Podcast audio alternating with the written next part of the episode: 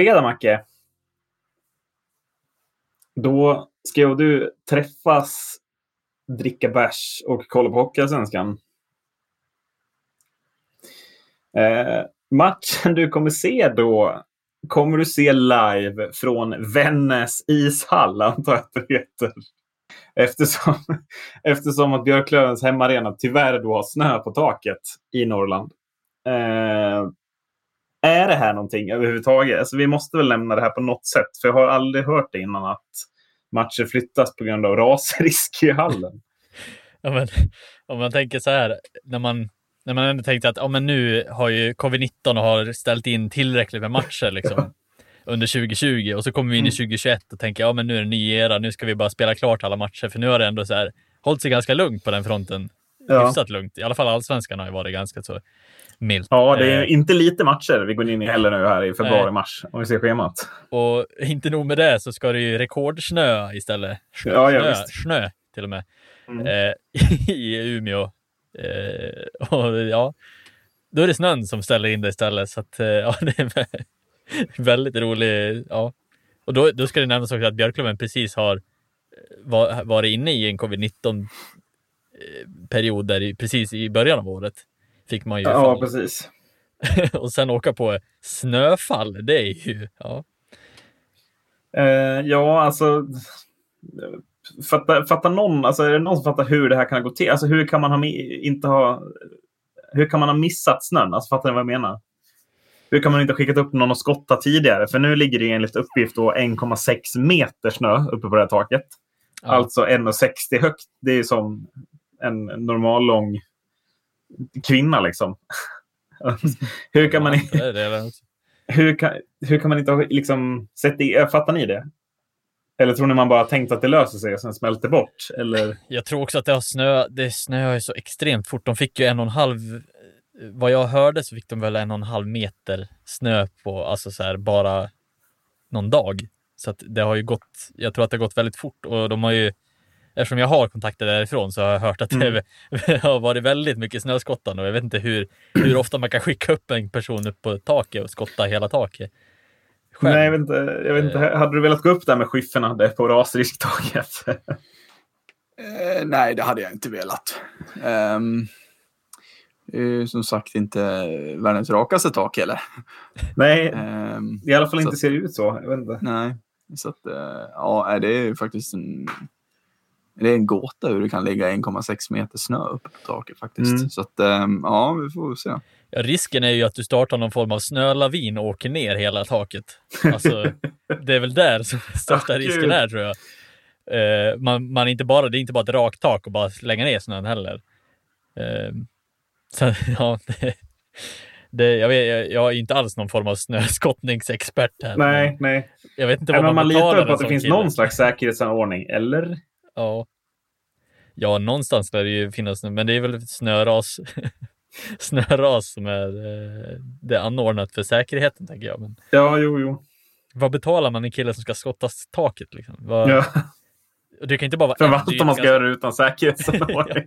ja, men det är inte bara en kille som kan åka upp heller. Alltså så här, han kommer ju aldrig hinna skotta innan det har blivit 1,5 meter igen. Liksom. Nej, så är det väl. Att, men men eh, vad tycker ni? Alltså, ska vi gå, om man, vad ty, tycker ni att det är rätt att de spelar i Vännäs? Jag kan nästan känna att jag tycker att man skulle ha väntat lite till. Jag tycker det, ser, det, det blir liksom för pajigt att se Vännäs ishall och så, ja men nu var toppmöte Björklöven Södertälje. Det kändes verkligen väldigt iskallt, eh, pun intended. Alltså jag, jag, tyckte ändå att det var, det var lite sådär, som Lars Lindberg uttryckte det, att det var lite Winter Classic över det. Eh, att det kändes lite så här off-road på något vis. eh, jag vet inte vad man ska kalla det. Ja, vi jämför eh. som en Winter Classic med Vännäs ishall här. Ja. Inte, ja, men det ja. kändes, om jag ska tolka det rätt så känns det mer utomhus än inomhus i den där hallen. kanske. Jag som har varit, fått äran att vara i den där hallen faktiskt, till och med ja. och på tryout en gång i tiden mm. när jag skulle börja på ja, gymnasiet tror jag. Så ja, det, det är lite det är en liten lada kan man väl kalla det. Eh, belysningen var mycket sämre på den tiden. Eh, det låter som att det här är 1987. Typ. Men det här var inte, alltså så här, det, ja vad är det, vad kan det vara? När gick man i, slutet på 2009 kanske. Risken är att det är tio år sedan. Typ. Ja, det, är, det är ju det. jag, jag, jag, tänkte ju först att så här, men nu kommer det vara så gul belysning, du vet, så här, som är lite Ja, ja. i, i sändningen. Men jag tänker att Simon hade ju aldrig accepterat det kanske i sin, sin Nej, men det Spelarna. spelar väl ändå ett division 1-lag där också. Det är kanske är det man ska säga. Alltså, Ja, det är väl precis. kanske därför man fixat det. Jag vet inte. Ja, Men- det är ju ändå ganska, ganska känd plantskola. Det är väl är det, Virus Lindberg va, som, som är stor finansiär kring det där, har jag hört talas om. Jag kan vara ute och cykla också, men jag, jag har även hört att Per Ledin var skolad där. Mm, just det. Det var det de skyltade med eh, mycket när jag var där. Mm. Per Ledin. Bli som en gång. Per Ledin. Ja, jag hade tänkt bli en sån buse som Per Ledin genom att gå på den skolan. Passar dig ändå, Marcus. Ja, så det var det som fick mig att tacka nej faktiskt. Va, vad säger du om Winter Classic, Adde? Tycker du att det, de borde spela, eller? Alltså, jag vet inte. Ja. Det är klart det blir lite, eh, blir lite kul, men det är samtidigt så här. Ja, man hade väl kunnat skjuta på det någon dag och sen så typ framförallt spida på den där jävla snöskottningen. Mm. Känns som att det har legat 1,6 meter nu i fan flera år. Bara upp och skotta av skiten. Jag vet, det är så svårt att veta hur lång tid tar det att skotta av 1,6 meter snö från ett gigantiskt tak. Jag vet inte. Jag vet inte, det är bara hämta en helikopter med varmt vatten och ösa. De har ju plockat ner jumbotronen också. Jag tänker det måste väl ändå göra så att den håller. Alltså att man kan spela i arenan.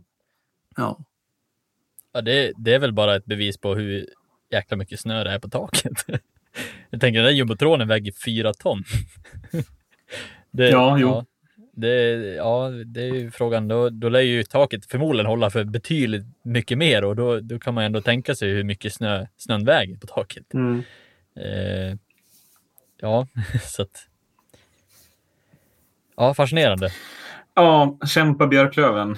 Ehm, och ja, Eh, Eh, jag, jag kommer av mig lite här. Men alltså, det får väl spelas liksom. Men jag känner verkligen att jag, jag blir lite trött när folk också hypar att Åh, fan vad coolt att de spelar i Vännäs. Så jag kan tycka att det bara är helt likgiltigt inför det och känner bara gud och pajigt att det spelas här. Liksom. Vad tycker vi om domarnivån? Ja. Vad tycker vi? ja, det är... Alltså inför säsongen så gick vi ändå in eh, men ganska, nu talar jag för mig själv och ja, kanske lite för er också, men vi gick ju ändå in med en ganska positiv inställning när man gick in för säsongen och sa att man vill ändra på lite regler och göra de spelförstörande momenten eh, lite mindre. Eh, och att man vill, man vill faktiskt försöka göra hockeyn lite roligare och man, man vill liksom så här, ta bort alla de här som förstör det roliga i ishockeyn kan man säga. Eh, för det, var, det är det jag antar att man ville göra eh, med det här med de nya reglerna att hakningar och slashings och allting ska bort. Eh, lyckades man med det? Ja, det gjorde man ju eh, egentligen. Eh, sen lyckades man också göra svensk ishockey lite tråkigare att kolla på, till och med kanske lite sämre hockeymässigt kan man säga. Jag vet inte vad ni tycker så. Eh, och anledningen bakom, jag, jag förstår ju vad de tänker eh, med det hela. Eh, nu när man ändå har kommit så pass långt in i det här så blir det lite jag förstår det positiva i det som de försökte söka. Men nu känns det som att nu vet jag inte om det är eh, någon känsla kvar i, i domarbedömningarna och någon spelförståelse kvar alls. Och jag vet inte om man ska skylla på domarna eller om det är högre upp som man kan, man kan trycka det här. Eh, och tyvärr så det gör ju att hockey generellt i Sverige blir både sämre, tråkigare att kolla på och eh, stundtals ganska komiskt nästan. Eh, för att snart kan vi snart inte ens se någon stoppa en spelare bryta in på mål.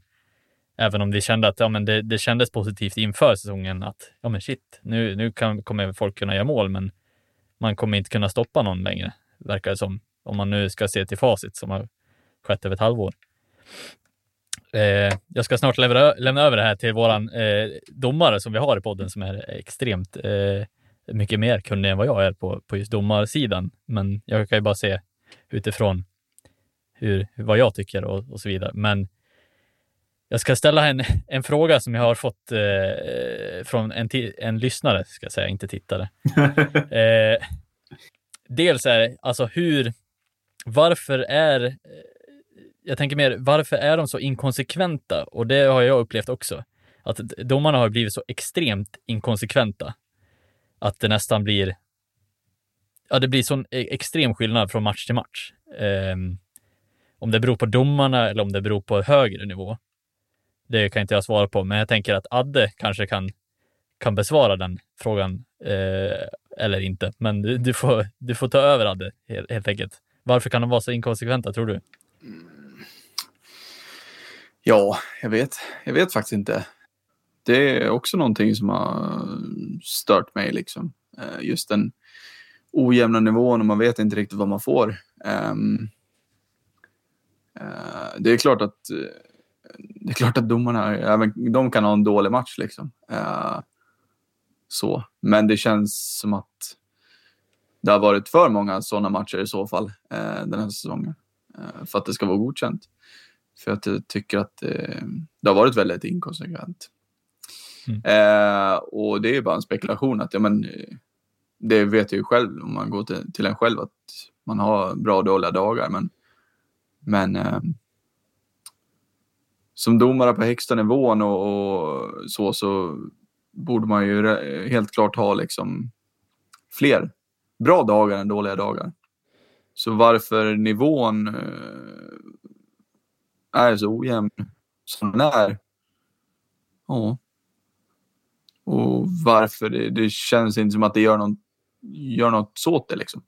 Det känns som att, eh, som att alla bara trummar på och de liksom slår ifrån sig när, det, när de får kritik och ja, jag vet inte, det känns konstigt.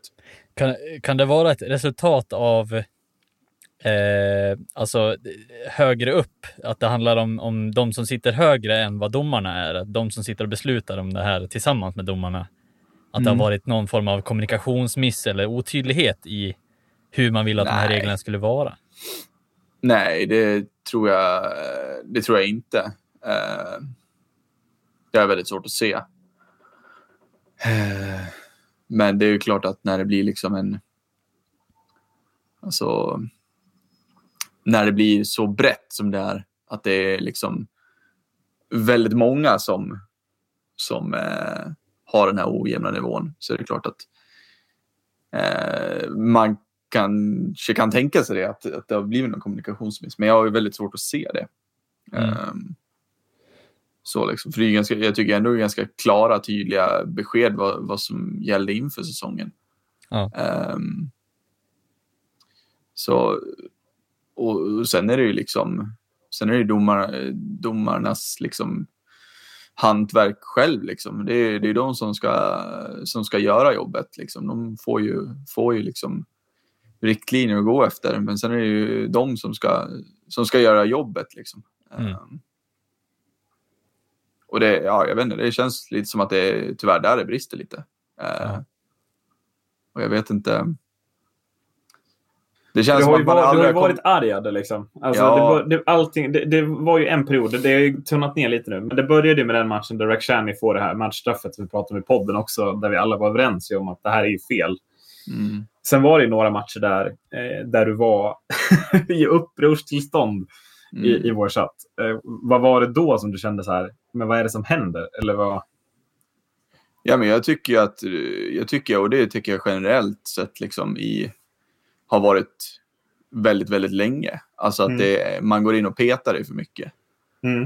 Uh, och jag menar, vi är ju, eller, man är ju bara människa liksom, så att det är klart att man blir upprörd när när, när det liksom blir en stor grej som med Rakhshani till exempel och sen späds det på bara med mer och mer och mer och sen till slut så sitter man där och är riktigt förbannad. Um, och,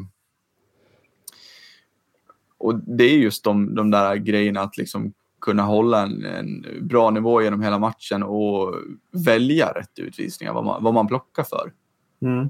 Eh, och det tycker jag som sagt har varit dåligt väldigt länge. Liksom. Det är ju, det känns som att det är väldigt få som har den där fingertoppskänslan att nu, nu eh, det, här var, det här var allvarligt. Liksom. Eh, Mm. Och det känns också när man kommer in på, för jag var ju, vi var ju irriterade alla tre också över, över situationen i, i vilka var det, Södertälje mot eh, Timrå. Eh, Eh, just det. Eh, när Oskar det, det hände ganska tidigt. Sebastian Hartman åker in olyckligt i sargen. Blir, får ju Mm. väldigt ont och blir skadad i den situationen. Eh, Mm. Det blir inget matchstraff. Domarna står efter och säger ja, det var inget matchstraff. Eh, de fick inte upp bilden på jumbotronen, skyller man bort då. Eh, jag vet inte riktigt. Även när jag ser live så tycker jag alltså, så här, ja, det kanske går fort. Men jag, jag tycker att man ska kunna se att det där är inte en fem minuter. Det är ju en solklar utvisning i och med att Hartman inte har Mm. pucken. Men att man, bara, att man inte bara kan se att ja, två in- minuter interference och sen Mm. hålla borta skadan lite. Jag upplever att det också börjar bli ett problem. Igen, jag tyckte att det problemet fanns för ett tag sedan. Jag tycker att de har blivit bättre än sista åren. Men jag tycker att senaste tiden man har tagit mycket beslut utifrån om spelarna blivit skadade eller inte. Mm. Eh, Bara för att, bara för att Ja. rätt, rätta, det blev alltså matchstraff. Mm. Eh, ja, precis. Eh, Ja, men det var precis det vart i matchstraff. Men ja, domaren, domaren sa ju efteråt att det borde inte ha varit matchstraff. Mm. Eh, I den här eh, intervjun som Hockeyallsvenskan gör. Det, det är också, där- de, det, den intervjun vill jag bänka direkt. De här domarintervjuerna som görs efter matchen. Det är ofattbart vad ointressanta frågor som ställs till domarna. Det ställs aldrig någon fråga om, vi- om de stora situationerna utan bara frågor om ja, ni dömde bort ett mål. Alltså sådär, saker som blir lite mer svartvitt. Jag tycker det är för dåligt. Nej, men och, det, och, det har ju också varit en grej nu att liksom, man ska inte döma efter vad, som, vad konsekvensen blir. Eh, utan man ska döma efter vad, vad spelaren gör. Eh, man har ju haft det nu i två säsonger att man ska gå efter liksom vad, vad spelaren gör, vad intentionen är. Eh, och inte på vad konsekvensen blir utav tacklingen. Eller av förseelsen. Eh, och där tycker jag liksom man är man är liksom man går tillbaka till hur det var förut. Liksom. Det känns så. Eh, och av egen erfarenhet så vet jag också att det liksom det är väldigt eh, är väldigt liksom vanligt att man man börjar eh, när det sker en stor händelse och någon blir skadad till exempel så börjar man oftast med att liksom argumentera för varför det ska vara ett, ett matchstraff. Liksom.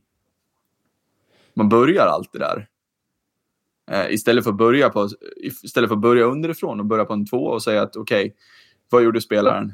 Är det här inom ramarna för att vara ett mindre straff? Ja, det är det. Och det känns som att hade man börjat där så hade, det här, hade till exempel matcher på Oskar Eriksson inte skett. Det är jag helt hundra på. Så att, det känns som att man går, har gått liksom tillbaka till och så här att ja men oj shit, han blev skadad. Det här såg farligt ut. Ja men eh, vi tar ett matchstraff, det är nog bäst så. Och det är ju bara, det är bara för dåligt. För sen kan jag också tycka att, ehm, jag vet inte, du, du får gärna, jag vill gärna höra vad du tycker om det här också, men, men jag upplever att ett av de stora problemen som jag upplevt den senaste månaden framför allt, det är att man har börjat missa solklara utvisningar. Eh, och, och göra fel med utvisningar som är, och även avstängningar. Alltså Darren Nowicks armbåge i ansiktet på Greg Scott blir alltså inte anmäld. Eller han blir inte avstängd för det. Återfallsförbrytare och allting. Och då kan jag känna så här, men Alltså, om man inte ens kan ta rätt beslut på de som är tydliga, hur ska man då kunna göra det på de här svåra, snabba situationerna där det liksom är eventuell en hakning eller eventuell en slashing? Eh, Mm. Ja, men då, då går man in och petar i dem istället och tänker att oj, shit, här kanske det var en slashing. Ja, men för man överkompenserar hela tiden på ett så himla konstigt sätt. Och jag fattar inte, för det har gått från...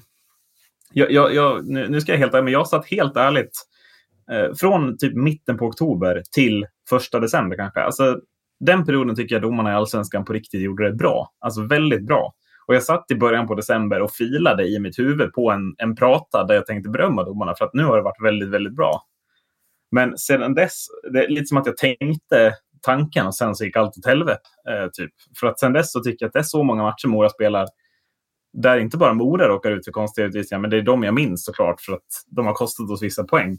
Men det är så märkliga beslut. Vi får en dubbelutvisning mot Tingsryd där vi får eh, en jättekonstig hakning samtidigt som de hittar en too many players on ice.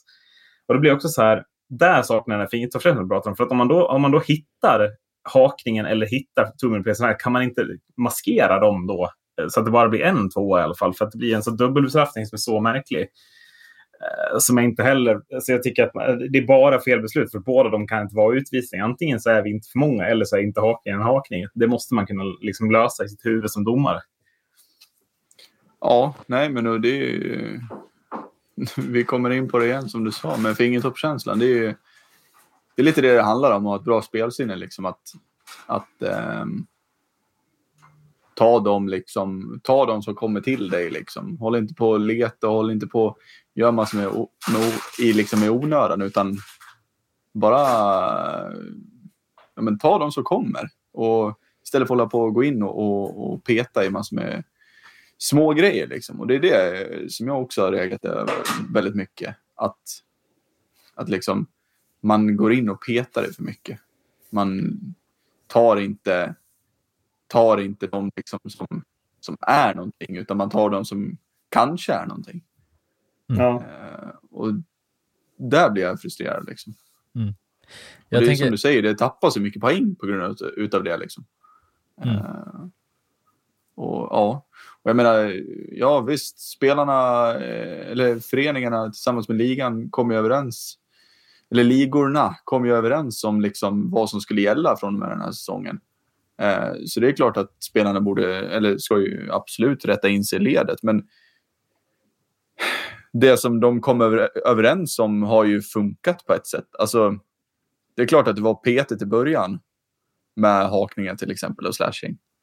Eh, det är klart att det var petigt och ja, man får väl tycka vad man vill om det. Men själva liksom uppdraget lyckades ju på ett sätt. För det känns som att det har försvunnit nu. Ja, jag håller med. För eh. så var det i NHL också när de införde det där. Mm. Då var det också så mycket utvisningar. Så där håller jag med dig. Det, ja. Där har de ju faktiskt lyckats. Så det har de ju lyckats med. Men, men samtidigt så har ju inte liksom klubbarna signat upp på det som är nu. Liksom. Nej. Alltså på ett sätt. De rättade till en grej, men sen så har det blivit så otroligt ojämn nivå. Så att ja. Mm. Här, här vill jag sticka in med, eh, vad heter det, just vi har ju blivit bortskämda av att få se NHL-hockey nu igen. Ehm, jag tänker när ni ändå nämnde NHL. Och alltså, när man ändå har sett, jag har sett en hel del SHL och allsvenskan nu på slutet och eh, jag upplever att alltså så här, NHL, det som skiljer, för det är ju ändå där någonstans man siktar, att man vill ju få bort samma sak som NHL fick bort, att mm. de här spelförstörande momenten. Men att man tolkar de här spelförstörande momenten på två helt olika sätt i mm. NHL och i Sverige. Mm. Att, att det, blir, det blir det här att ja, men, de eh, som är i NHL har så extremt högt i tak att de ser att vad är en matchsituation och vad är ett spelförstörande moment? Mm. Alltså så här, här är det fight om pucken. Ja, men då är det lite högre i tak. Sen mm. är man lite dynamisk när det kommer till liksom så här, är det här någonting som stoppar spelaren helt i onödan eller är det bara kamp om pucken? För mm. jag, jag, kan tycka att det är i Sverige nu, är det kamp om pucken, ja då är det typ nästan 50 chans att du får en utvisning numera. Mm. Och det känns lite som att det har blivit så eh, både i SHL och allsvenskan numera. Att du kan, du, du kan nästan inte stoppa en kille som kommer inbrytandes på mål. Antingen får en utvisning eller så gör han mål. Det har jag upplevt både i SHL och i allsvenskan. Att det, det finns liksom ingenting antingen, alltså så här, det finns ingenting mittemellan där. För blir inte det lite problemet att här, man fick bort det, men sen vågade man inte göra som NHL gjorde. Eh, man vågade inte släppa på igen efter att man hade fått bort det. Mm. Utan man var så himla rädd för att nej, nej det, det kan, nu kan det bli likadant som det var innan och då, då får vi massa skit. Liksom. Men mm, jag, jag, kan känna att hade man höjt taket när man väl hade fått bort det så tror jag man hade fått till ett bättre klimat. Men jag undrar om det är det som om det var det som hände oktober, december, men sen att man har börjat leta ut i igen. Jag vet inte riktigt. Jag blir ju typ lite gråtfärdig och tårögd eh, liksom, eh, efter vad du säger, Macke. För det är, liksom, det är så on point. Eh, just det här med liksom, vad är en, liksom, vad är ett kampmoment och vad är spelförstörande? Mm. Det är ju liksom, det är ju alltså som dag och natt. Liksom, Mm. När man kollar NHL och jämför det med SHL och Hockeyallsvenskan till exempel. Mm. Eh, och det är just det vi är inne på, liksom, det här med fingertoppskänsla och spelsinne. Att vad är en utvisning och vad är inte en utvisning. Det kan vara samma sak. Alltså det kan vara en samma grej, men det kan vara två helt olika sekvenser. Mm. Ehm, eh, så att, nej, det är liksom det, det framför allt som jag har eftersökt bra länge, som har varit den stora liksom, eh, delen med, eh, alltså, som jag tycker är, funkar, funkar dåligt. Liksom. Ehm, att domarna i NHL, de vet exakt när de ska blocka domarna i SHL, Hockeyallsvenskan. Som det är just nu känns som att de inte riktigt vet. Men för är inte det är inte konsekvensen det största problemet? Är det inte det vi pinpointar lite här? Att, eller jag, jag tycker i alla fall att det var bra under en period. Och då hade de en nivå där man säger, men det här kan vi verkligen leva med. Men nu har det kommit en period, det är inte bara att man känner att det är okonsekvent med liksom tvåorna i matchen. Utan jag känner också att det har varit en hel del märkliga matchstraff. En hel del märkliga matchstraff. Mm. Och en hel del märkliga bedömningar även på solklara matchstraff under den här senaste månaden. Senaste två månaderna blir det. Eh, och jag... Ja, men jag, tolererar, alltså jag kan tolerera en felaktig tvåa för den påverkar inte lika mycket. Men alltså, som sagt, den, den, alltså Rakhshanis matchstraff är ett exempel. Det avgör hela matchen på det matchstraffet. Även om Djurgården, det går att säga att Djurgårdens boxplay var dåligt. Men de hade inte ens behövt ha boxplayet egentligen. Eh, och då blir jag lite... Eh, det, det får inte vara så avgörande, utan då måste man sätta sig ner, hitta tillbaka till nivån och verkligen ge sig fram på att nej, men det ska vara, vi ska hitta den här jämna nivån igen och vi ska lyckas med den. Och kan man inte vara konsekvent med det, ja, då kommer det fortsätta vara stormigt på domarnivån, tror jag. Mm. Ja, För där, där går man ju ifrån det här med intention och konsekvens. Eh, som man ändå sagt att man ska ta bort. Eh, så som Adde sa också det här. Eh, det, jag, jag, kan- jag kan koppla det här med Rakhshani. Samma som är med Hartman. Eh, Ja, och sen har vi fem, sex, känns det som, konstiga slowfoots som har blivit avstängningar här från ingenstans också. ja, och sen har vi ju Olsson också på det. Olsson som åkte ut med ambulans eh, på en helt vanlig tackling egentligen. Ja, men precis. Det, ja, just det. Det var också match. då. Ja, och den är ju, alltså så här, det är ju en ren oflyt. Alltså Olsson hoppar ju själv. Eh, Det är han som sätter sig i situationen egentligen, tar emot tacklingen, ramlar baklänges och slår i huvudet. Alltså det blir lite det här, ja, eh, det var otur. Alltså det, det var ju inte, det var ju inte en alltså, tuff eller o, alltså, orättvis tackling på något sätt, tycker jag. Och då är jag modoit. Alltså, Mm. så att, och han spelar för Modo då, så att det, det blir lite det här, ja, man, man går ju ut och säger, som, som ni säger också det här med i video. Jag tycker att det är jättebra när man går ut och säger att ja, men vi gjorde fel. Men det känns lite som att de blir lite, ja, alltså så här, de kan inte bli så känslopåverkade att de tar ett matchstraff på en gång. Eh, det, jag tycker att i så fall måste man kolla på det en gång till och kanske en, en, en, ännu en gång. Alltså för att det blir liksom så här, det, det skickar fel signaler till spelarna också. Att ja men ja, nu får vi liksom inte tacklas längre eller nu får vi inte göra det där längre.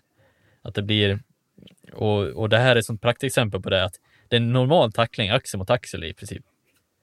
Som bara blir oturligt fel, han landar fel. Slår i huvudet, får åka ambulans. Domarna blir påverkade känslomässigt och tar ut han. På en Mm. game. Och det Ja, men för det känns också lite som att den situationen... Jag tycker inte det ska vara svårt att döma rätt i den situationen. Det ska inte vara någonting. Eh, Nej. man blåser av såklart för att Hartman ju, eller eh, Olsson gör illa huvudet. Men Mm. Domaren står där nere. Det är en naturlig position antar jag. Att man står nere bakom mål när spelarna kommer ner där. Eh, då ser man ju den längs sargen. Då måste man ju se om den tar i huvudet eller inte i det läget. Det är bara Mm. så enkelt tycker jag. Ja, men samma sak, man måste kunna diskutera det här. Och flera domare måste ju kunna få ta sin, alltså ge sin åsikt om det.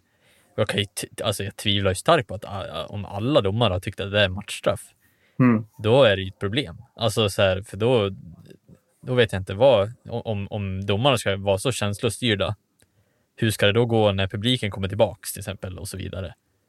Att, alltså är de så lättpåverkade så att, så att det är, ja, nu är det ju givetvis blir det ju oturligt och otäckt så. Men det måste ju, man måste få, man måste kunna se på det lite mera för vad det är. Alltså hur, hur tacklingen är, intentionen och så vidare. Mm. Även om det är en skada. Ja, och så ska vi, dra, ska vi ta en, en till dimension, även om vi pratat om det här länge nu, men en till dimension med den här, alltså med konsekvensen. Det är den här, det som vi pratade om i avsnittet gallskriks abuse. När det kom att domarna helt plötsligt skulle börja plocka abuse på i stort sett allting. Jag kanske drar det hårt, men det var så det kändes när man läste det. Minsta ord skulle man åka ut för.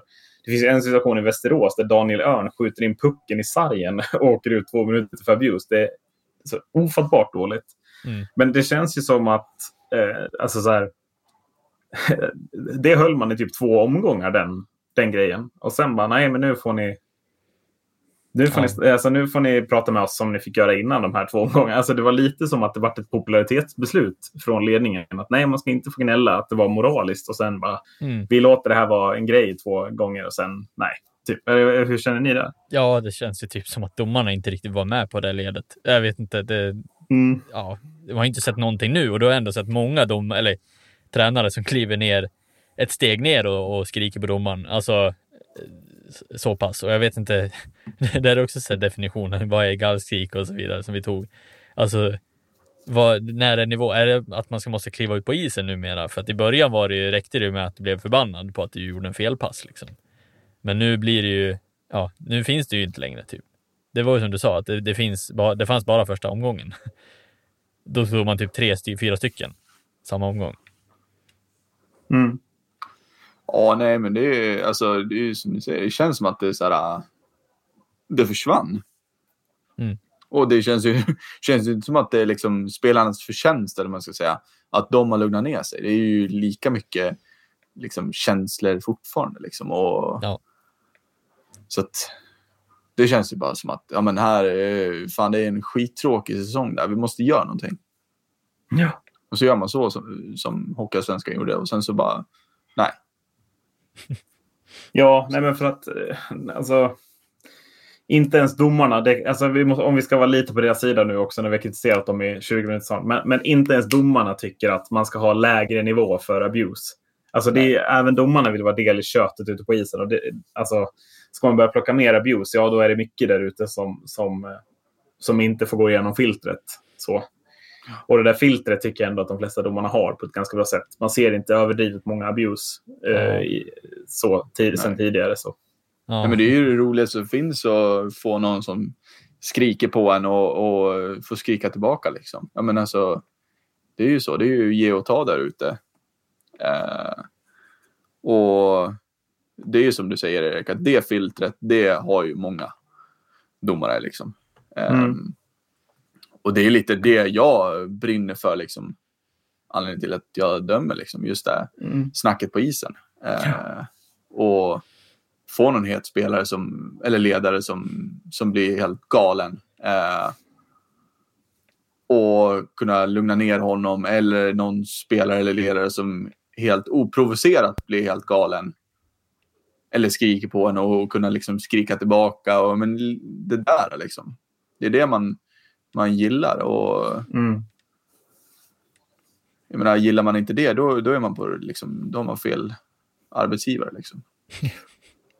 Vad heter det? Jag, jag, ska avsluta. Jag tänkte, vi, vi har ju snackat om det ganska länge, men jag tänkte att vi ska avsluta det här segmentet med en sista lyssnarfråga. Mm. Eh, som är ställd till er båda. Då. Men vad, vad, vad ska en domare göra för att bli avstängd? Och hur dåliga kan de vara innan mm. det liksom så här, ja men nu får du sitta på sidan. alltså för att bli avstängd, alltså att inte få döma, det, då krävs det att man gör någonting som är ja, men alltså moraliskt fel. Alltså mm. att man är, ja men säg, man kanske skriver något rasistiskt eller, eller kallar, ja men man, man kanske kallar till exempel Daniel Mesito Bagenda alltså för jag tror att det krävs sådana typer av åtgärder för att man ska bli helt stängd. Eh, däremot för att flyttas ner och upp i systemet, det är ju någonting som jag förstår det som att det görs säsong för säsong. Va? Ja. Eh, för så att man, att man klarar fystester och sådana grejer. Men, men eh, de som är uttagna att döma SHL under ett år, de dömer ju hela säsongen. Mm. Och sen är det väl observatörer och bedömare som avgör vilka som får döma finalen och vilka som får döma en match mellan två lag som ligger 10 och 11 utan chans att gå uppåt eller neråt. Liksom. Mm. Ja, och det ska ju mycket till att liksom det ska ju mycket till att, att de blir sig nerskickad. Liksom. Mm. Då ska man ju varit liksom vrålusel och verkligen huvudet på något helt annat ställe i alltså tio omgångar i sträck. Liksom. Ja, men lite så. Um, så att um, ja, nej, men det är liksom, det finns ju exempel på, på där, eh, där domare har gjort grova misstag eh, för att sedan liksom inte döma så längre. Eh, och så det, det, det sker ju, men det är som du säger Erik, det, det ska ju till något, no ordentligt. Det handlar ju, du kan ju inte bli avstängd för att du eh, tolkar slashingar dåligt liksom. Nej, och inte nedskickade samma säsong heller. Däremot kan det, det kan ju visa sig att man tar, man, ibland tar man ju upp en domare eh, som har varit bra i Hockeyallsvenskan. Mm. Och sen märker man att så här, nej, men Hockeyallsvenskan var din topp. Alltså vissa är ju inte till, alltså, de kan vara jättebra i Hockeyallsvenskan men inte, inte klara av SHL. Det, så kan det faktiskt hända tror jag. Men, eh, jag, jag upplever ändå att det ska mycket till och även om man tycker att det är fel beslut, så, så länge regelboken är 192 sidor lång och har jättemånga tolkningar, så tror jag att man kan komma undan med någon tolkning, även om allmänheten mm. tycker att den tolkningen gjordes fel. Ja, nej men det är ju, det är ju så. Och, eh, alla, alla tycker olika och alla eh, har vi olika tolkningar på, på allting. Så att, eh, det, det är mycket till som ska, som ska få en att, att bli avstängd. Sen är det klart, man kan ju, jag menar om man känner själv att så här, men jag har inte varit liksom, jag har inte varit bra. Jag har inte liksom haft huvudet där jag ska ha det. Eh, det är klart man kan, man kan väl känna själv också. Det, det tycker jag är en stor grej också. Eh, starkt gjort av en att kunna liksom erkänna att nej men jag, jag mår inte bra. Jag behöver ta en timeout. Ja, sådana saker kan ju hända. Bara för att man mm. har varit dålig så att säga. Eh, sen eh, sen be behöver det ju liksom inte vara att man har varit dålig, dålig, att man är vrålus eller alla hatar den, utan mer att man känner att själv att nej men jag, jag, jag gör inte mig själv, liksom, skapar inte rättvisa åt lagen och, och gör inte rättvis mot mig själv så jag behöver ta lite vila. Och det är ju, det är ju liksom fullt, fullt rimligt och eh, fullt förståeligt. Ska vi kliva över lite till NHL då? då? Vi tycker att det är roligt att prata om. Eh, och i, vi har egentligen förberett bara ett ämne, men jag tycker det är så roligt att höra dig prata med NHL alldeles. Jag har förberett två lite mindre ämnen också som du ska få reagera på. Oj. Jag bara vill höra din tanke innan vi ska prata om det som vi har planerat innan. Mm. Eh, men först, hela Vegas tränarstab typ är satt i karantän på grund av corona. Mm. Uh, hur tror du påverkar laget? Alltså, man förlorade direkt i natt. Uh, jag ska inte säga att det var på grund av det, men tror du att Vegas kan gå in i en sämre period här? Eller tror du man fortsätter mana på och att det bara var uh, en, en match man inte kom upp i nivå i natt? Ja, men så är det. Men de sattes väl i karantän direkt efter matchen? Va? Jaha, var det efter matchen? Så de förlorade med? Ja, jag, jag, kan, jag kan ha fel. Jag, ja, de är i karantän, va? Ja. Eh, nej, men det är väl klart att det spelar stor roll alltså vem det är som står i båsen. Nu skulle ju general manager kliva ner och eh, sen skulle de även plocka upp lite från eh, deras eh, nystartade AHL-lag Henderson Silver Knights. Mm. Um, så att, ja, men det är ju klart att det kommer vara skillnad, men sen är det ju eh, liksom proffs ute i fingertopparna. Liksom, så att, jag tror inte att de kommer ha något större problem med att leverera, men det är klart att lite annorlunda blir det ju. Mm. Ja, du får ju såklart säga något också, Marcus. Om du jag visste inte ens om vad deras andra lag hette. Nej, Men, eh... Nej det, det, där kan vi också stanna sen. Bara för att det var ett kul namn. Silver Men... Knights hette det. ja, ja, ja. Det är, ändå eh, det enda AHL-laget där det är tydligt vilka som är lite sämre, va? ja. ja. nej, men eh, alltså Ja, det är klart det påverkar vilka som står i båset. Sen var det ju, ja, de kanske blev positivt påverkade av att tränare som de hade tränare i båset. Mm. Men eh, ja, det blir intressant att se om det, det kommer säkert att ske flera, flera sådana här fall under säsongen. Eh, under det här halvåret tänker jag också. Eh, det vore ju sällsynt om, om bara Vegas drabbas, tänker jag. Eh, rätt många spelare i rullning nu också och nu kör de ingen form av bubbla heller på samma sätt som de gjorde i, i slutspelet. Eh, så att ja, det, det, det, kan ju säkert bli fler fall. Sen förhoppningsvis så är de ju bra på att hantera det. Eh, som, som de har visat i, i, i och med bubblan. Så de har ju varit stenhårda även med JVM och allting. Så att jag tror att de är nog ganska bra på att isolera de spelarna som är eller de, spelare, de ledarna som är. Så, mm. Ja. Mm, eh, vi går vidare då. Eh, Rangers går allt annat än bra, kan man säga. Och frälsaren, eller den nya superstjärnan Alexis Lafreniere, står på noll poäng. Noll gjorda poäng. Efter hur många matcher då? Fem. Efter fem matcher. Efter sex matcher till och med. Sex. Ja, just det. De torskade över tidigare. Just det. Ja, mm. det gjorde de.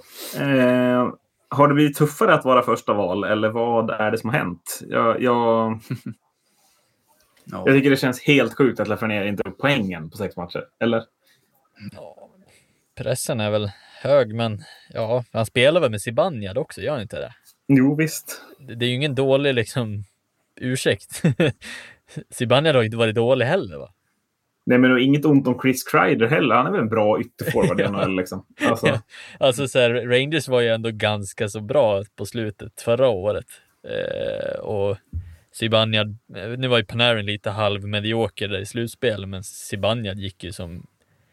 Ja, det är få svenskar som har varit i den formen som han är just nu ja. eh, under den här perioden. Och ja, jag, jag har svårt att förstå också att han inte ens har fått ett tredje ass. Liksom. Eh, är han så lite involverad? Ja, tre, ja, andra ass. tredje kan man väl bjuda Tredje ass kan han ha hur många han vill. Nytt för i år. Tre. Ja, precis. Mm. ja, nej, nej, men äh, ja. Eh, nej, kör, kör vidare Macke. Ja, nej, jag, jag, tycker det också det är lika sjukt, för han skulle ju vara den här det här är ett McDavid-år. Alltså, han skulle vara den överlägsna bästa. Just nu så ser det ut som att till och med Cousins, Ty Smith, alltså flera, flera av de här som var med i junior-VM som inte alls är samma nivå. Nej, men precis. Har, har kommit upp i, i mer, ja. För det är lite därför jag tar upp det. Du får rätta mig om fel, men det var väl ändå för första gången sedan Conor McDavid lite mer hype på första valet än vad det var de tidigare åren. Mm. Lafreniere skulle vara, li, han skulle vara lite bättre än många första val de senaste liksom, åren. Inte McDavid-nivå, men att det ändå skulle vara något extra. Det skulle vara uppe på den, mot den nivån åtminstone. Ja, ja, nej, helt klart. Uh, man var väl uppe och, och liksom touchade där när till exempel Nolan Patrick skulle, skulle draftas, men så kom ju skadan och sen så var det Nico Hischier istället. Så att, mm. um, det är ju alltid hypat med, med första varan helt klart, men, eh, men eh, det känns också som att det var länge sedan som det var verkligen så utpekat att den här ska gå etta. Eh, ja. Och det är ju sen McDavid liksom. Ja. Eh, så att, nej, det, är, det är väl som du säger också, han spelar ju med, med Zibanejad och Kreider eh, är ju två ruggiga spelare så det känns ju konstigt att, man inte, att han inte har fått, fått dit en poäng. Men det ska ju också tilläggas att han startar ju säsongen också med Brett Howden och vem var det mer? Var det Julian Gauthier som han, som han började med i tredje kedjan? Så att, mm. Ja, jag tror han bara kommer att, att, växa. Det är väl ingen tvekan om det. Men, men eh, det är väl eh, klart det är lite men, men är jag för, chockerande. Alltså, Eh, tycker jag, tycker jag att, alltså, har jag för höga förväntningar om jag tycker att Lefrenier oavsett vilka som han spelar med ska gå in och producera poäng? Nej, men han är väl liksom nummer tre i liksom, rankingen så att säga bland ja, det är jag. Han, är ju, han är ju före Capo i mitt tycke. Liksom. Ja, men han, det är väl han eller Kreider som gör upp om tredje fjärde platsen ja. bakom Subban Panani. Det tycker jag också att det ska vara. Ja. Eh, men... Mm. Så att det är klart att man kan kräva att han ska, ska liksom kommit in i poängprotokollet hittills. Mm. Um, och det är klart det är chockerande att han inte har gjort det. Eh, är det inte farligt att, att så här, hypa en spelare för länge? Jag eh, tänker också så här att det kan vara spelare som kommer ikapp under tiden. Att det blir liksom så här, nu har de ändå bestämt sig vid drafttillfället att det skulle vara mm. eh, Lafreniere så. Eh, men jag tänker att när vi har sett spelare som Seagrass och Cousins och, och Byfield att, att det, han, och han skulle vara så mycket bättre så att han inte ens fick vara med i JVM. På grund av att Rangers behöll honom. Mm. Eh, hur bra, alltså så här, om han hade varit med i VM, hur bra hade han varit? Hade han varit så bra i VM som de andra spelarna var? För att Seagrass gjorde ändå 18 poäng. Det, alltså, det är länge sedan de gjorde så mycket poäng i, i, um, i ett JVM och i, för USA. För USA har ju inte gått jättebra på sista, alltså så här, de har haft svårt att få fram de här toppspelarna så, även om de har jättebra juniorligor i USA. Eh, men Seagrass är väl första på länge som har varit riktigt så här dunderbra. Och då tänker man att Lafreniere ska vara så mycket bättre. Mm. Ja, det, var, alltså det, som, det, som blir svårt att jämföra är väl i och med att uh, han inte spelade alla matcher förra året ju, i VM, eller Frenier. Uh, men han gjorde väl ändå två poäng per match det året, va? Tio ja. på fem gjorde han. Ja, så två poäng per match. Det är ju ändå... Ja, det är ju nivå. Seagrass gjorde till och med lite mer väl. Mm. Sjukt nog. Ja, men, men um, ja. Det är väl just det att Lafreniere spelade alla matcher. Jag vet inte vad han hade kommit upp i. Jag vet inte heller vad han missade för matcher. Kanske missade han en match mot Vitryssland. Vad vet jag? Det hade ju inneburit 4-5 poäng det också. Så att, mm. ja. Eh, no, no hade väl, no, jag tror ändå att Lafreniere, om han hade spelat JVM, hade varit en nivå själv. Alltså en egen nivå. Eh, men med det sagt så, så tycker jag jag, jag förväntar mig mer. Jag förväntar mig att han ska göra poäng. Jag, jag skiter lite i att han är ung och att han är ny i ligan och sådär. Men det är många draftval före, före honom som har gått först och kommit in och gjort succé direkt. Aston Matthews är det bästa exemplet med fyra mål i sin första match. Alltså är man, man måste ju vara redo från början och det måste man ju vara förberedd på, eller? Ja, men också så här, det måste ju NHL-laget se.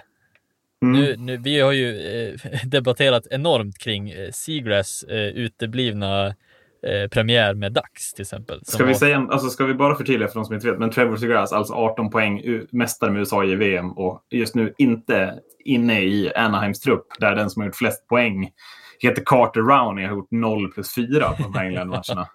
Precis. Och att man ändå var, väljer att stanna med en sån spelare som är, alltså det var länge sedan som sagt, det var länge sedan någon gjorde 18 poäng i VM eh, totalt. Eh, och, och det blir liksom så här, jaha, han tar inte ens plats i ett DAX som inte ens är bra. Alltså rent statistiskt just nu heller, eller förra året.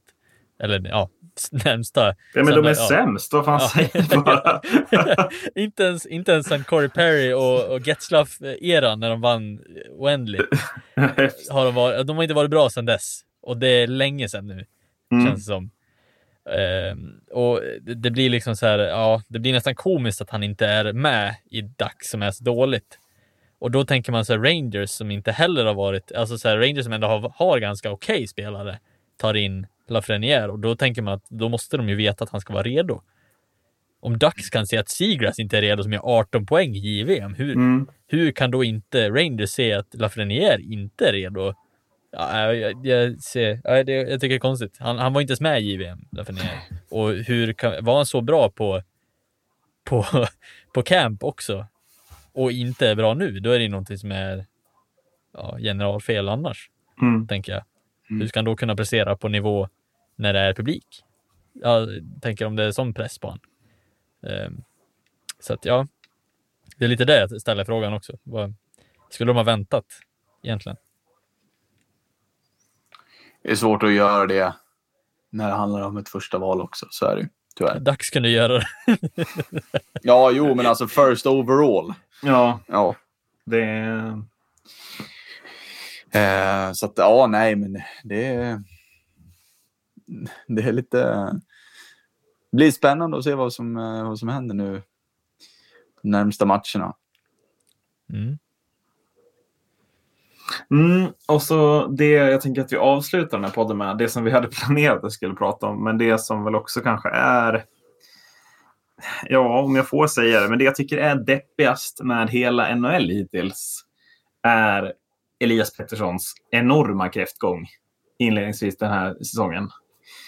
Mm. Eh, och då går ändå Vancouver, eh, jag ska inte säga bra, men de går fan inte dåligt i alla fall. 7-1 mot Ottawa här. Eh, Ah, jag fattar Elias 1 plus 1 liksom. Alltså, fan. Det här var ju året, eller? Börjar han också känna press? Mm. Ja, jag, jag tror... Ja, jag, alltså det kan ju gå dåligt för alla. Vi såg ju alla hur det gick för Nylander när han kom tillbaka från den där långa kontraktstiden. Eh, och men är inte Elias Pettersson en bättre spelare? Ska vi inte jo. ändå stanna där? Jag blir jo, helt... alltså absolut. Ja, Oj, Macke! Även om jag vet att det är tufft för dig, Macke. Jag brukar sitta i din Nylander-båt. Men jag tror ändå att när, när vi summerar Nylander och Petterssons karriärer så kommer Elias ha ett bättre CV, eller? Ja, det hoppas jag. Alltså, det, det tror jag nog. Eh, och samma sak. Men alltså, eh, jag tror också att det handlar lite om att Vancouver har blivit jämnare som lag också. Eh, lite grann. Jag såg, jag kollade över lite det här med, alltså så här, nu ska ju Pettersson vara bättre ändå. Men jag tror att han inte får alls lika mycket speltid som han fick förra året. Även om, oavsett hur han placerar.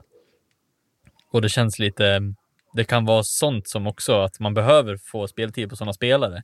Tänk på Erik Karlsson till exempel som inte fick speltid i ett visst ja, VM eller OS som det var.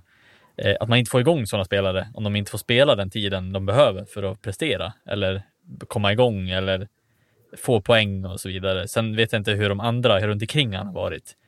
Besser till exempel, han, han har väl inte alls varit lika utstående som, som de andra spelarna i andra tredje kedjan.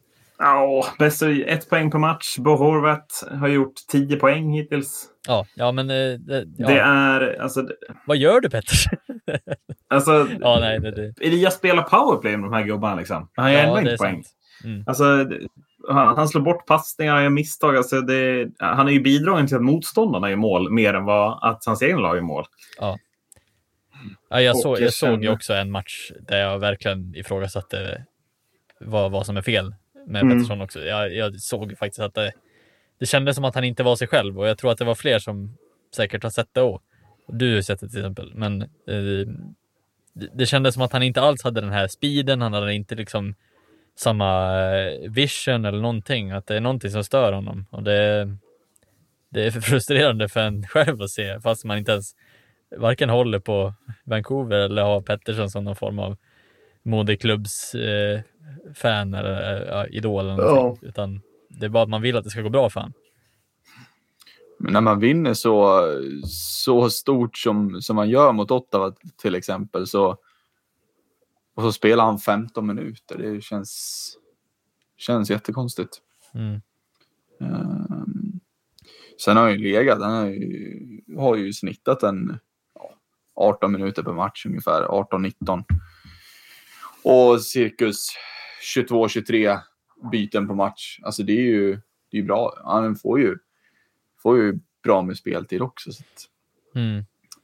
um, varför han inte liksom tuggar igång. Och det är ju som du säger Erik, när du räknar upp dem som liksom, ja, men gör det bra. Uh, så är det ju otroligt konstigt att, att Elias inte kommer upp i nivå. Mm. Uh, och bara har gjort två poäng. Um, så ja, jag, jag börjar bli lite orolig och fan. Bättre än så här ska det ju vara. Ja, men för att han har väl inte satt sig på något sätt i en position, tänker jag, där, där han får speltid även om han inte är bra. Alltså, så, han var bra en säsong. Mm. Eh, gör han det dåligt, då slutar det här med att han får mindre speltid. Ja, kriga boxplay liksom. Mm. Eh, och det har vi inte riktigt råd att... Alltså, så, jag tänker lite på svensk landslagsframtid här också, så är ju... Jag, jag tycker Elias Pettersson är en så viktig del i den, på något sätt. Att, ja. Eh, han, måste bör, han måste vara bra nu och han måste fortsätta vara bra. Han måste fortsätta hålla de här alltså, säsongerna han gör mycket poäng för att vi verkligen ska få... Dels kan fungera som en förebild, men, men också för att landslaget ska kunna verkligen pika. Mm. Mm. Ja, det blir ju intressant att se vad som händer nu. Um, till, till efter säsongen. Om, det, om vi säger att det, det här skulle fortsätta och han och, och det går knackigt liksom. Mm. Um, och säga att han skulle landa på, ja, vad vet jag, 30-35 poäng. Mm. Um, på 56 matcher. Uh, det är ju inte bra någonstans. Uh, Förutom SHL. Ja, ja precis, precis. Förlåt, um, sågen. Ja, nej men det är, det är rätt. Det är sant också. Ja, det är sant. Det är sant. Ja, men, men att uh, det, se vad som händer liksom. Mm. Um, jag menar, han är inne på sitt sista, sista år nu uh, på kontraktet. Han bytte agent i somras. Eh, ja. Ja, och Bo, Bo Horvath, han ska ingenstans. Nej. Det är Vancouvers nästa kulturbärare. Han kommer ja. stanna i Vancouver jättelänge. Det är jag ja. helt övertygad om. Ja. Eh, och, och då gäller det för Elias. Ska Elias vara första center, ja då lär han vara bättre än Bo. Horvath. Så enkelt är det. Uh, och ja, nej det är just att se liksom så här om, om han skulle fortsätta med den här dippen han har. Uh, kommer Vancouver vara villiga liksom att alltså lägga de pengarna som Elias kanske kräver då. Mm, just det. Um, med tanke på att de liksom sitter väldigt illa till just nu med lönetaket också. Det, sen är det klart att det är vissa kontrakt som går ut också till, till, till nästa säsong som um, dyra, tunga kontrakt. Tänker Brandon Sutter som sitter på över fyra millar och, och ja. Tanner Pearson som sitter nästan fyra millar. Så det är ju det är många tunga sådana som, som går ut då. Uh, men vilket gör att man säkert kommer att, att få tillgång till, till, lite mer pengar. Men, men samtidigt också liksom vill, är det här stället Elias vill vara eller?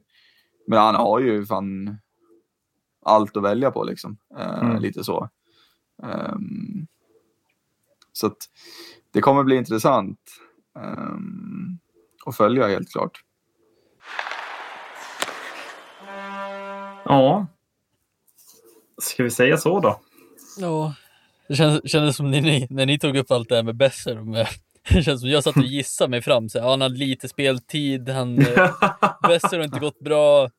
Jag försöker komma på ursäkter till varför Pettersson inte är bra, men han är bara inte bra helt enkelt. Nej, det, det, det finns inga ursäkter. Det, jag, lite därför jag sa att det var så deppigt också. För jag har precis som du Marcus då eh, förberett mig med den här podden genom att försöka leta upp grejer, eh, liksom förklaringar. Men, men det finns inga. Det är bara en, en formsvacka. Liksom. Ja, jag, jag utgick bara från att han spelade 13 minuter tror jag, någon senare match. Det kan ja, ju ha att göra med att han förmodligen fått mindre på grund av hans mm, prestationer. Självklart. Sen, jag vet inte hur det funkar. Är han ytterforward? För jag såg han inte som ytterforward i... Jag vet inte om man bara inte tekar eller om man... Ja. De rullar, Nej, han är väl rullar runt. Ja, för jag vet att han tekade inte. Något jag såg i alla fall. Men ja. Både, både han och JT Miller kan ju gå som, ja, som centra. Så att... Kanske beror på vilket håll de ja, möter. Just. Det är liksom. Men eh, om Elias då, om det fortsätter gå dåligt för honom så måste han ju sluta ge bort mål till motståndaren i alla fall. Och då finns det bara ett sätt som man enklast tar sig ur zon. Vilket är det? Det är sarg ut. Det är sarg ut. Tack för att ni har lyssnat. Hej då! Hej då!